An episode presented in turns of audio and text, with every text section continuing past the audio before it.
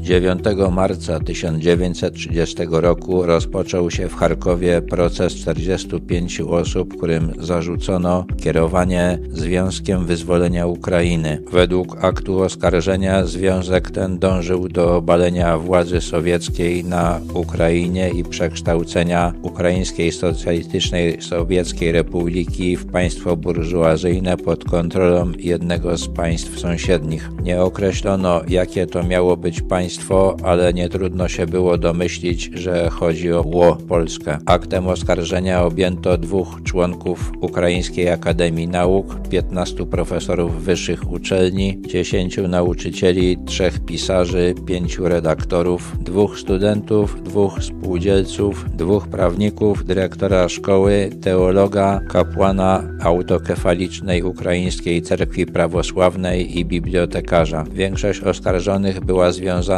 politycznie z Ukraińską Republiką Ludową, której przywódca Semen Petlura podpisał przymierze z Polską. Proces odbywał się w gmachu opery w Charkowie. Był transmitowany przez radio i relacjonowany przez gazety. Jeszcze przed procesem zmuszono ukraińską autokefaliczną cerkiew prawosławną do rozwiązania się. Podczas procesu organizowano demonstracje oburzenia przed konsulatami Rzeczpospolitej w Kijowie i w Charkowie. Wszyscy oskarżeni przyznali się do winy i wyrazili skruchę. 29 osobom wymierzono kary pozbawienia wolności od 2 do 10 lat. Pozostałym wymierzono wyroki w zawieszeniu. Tylko nieliczni skazani wyszli z więzień i łagrów żywi. Proces nie zakończył rozprawy ze Związkiem Wyzwolenia Ukrainy. Ocenia się, że w następnych latach za udział w związku mogło być deportowanych,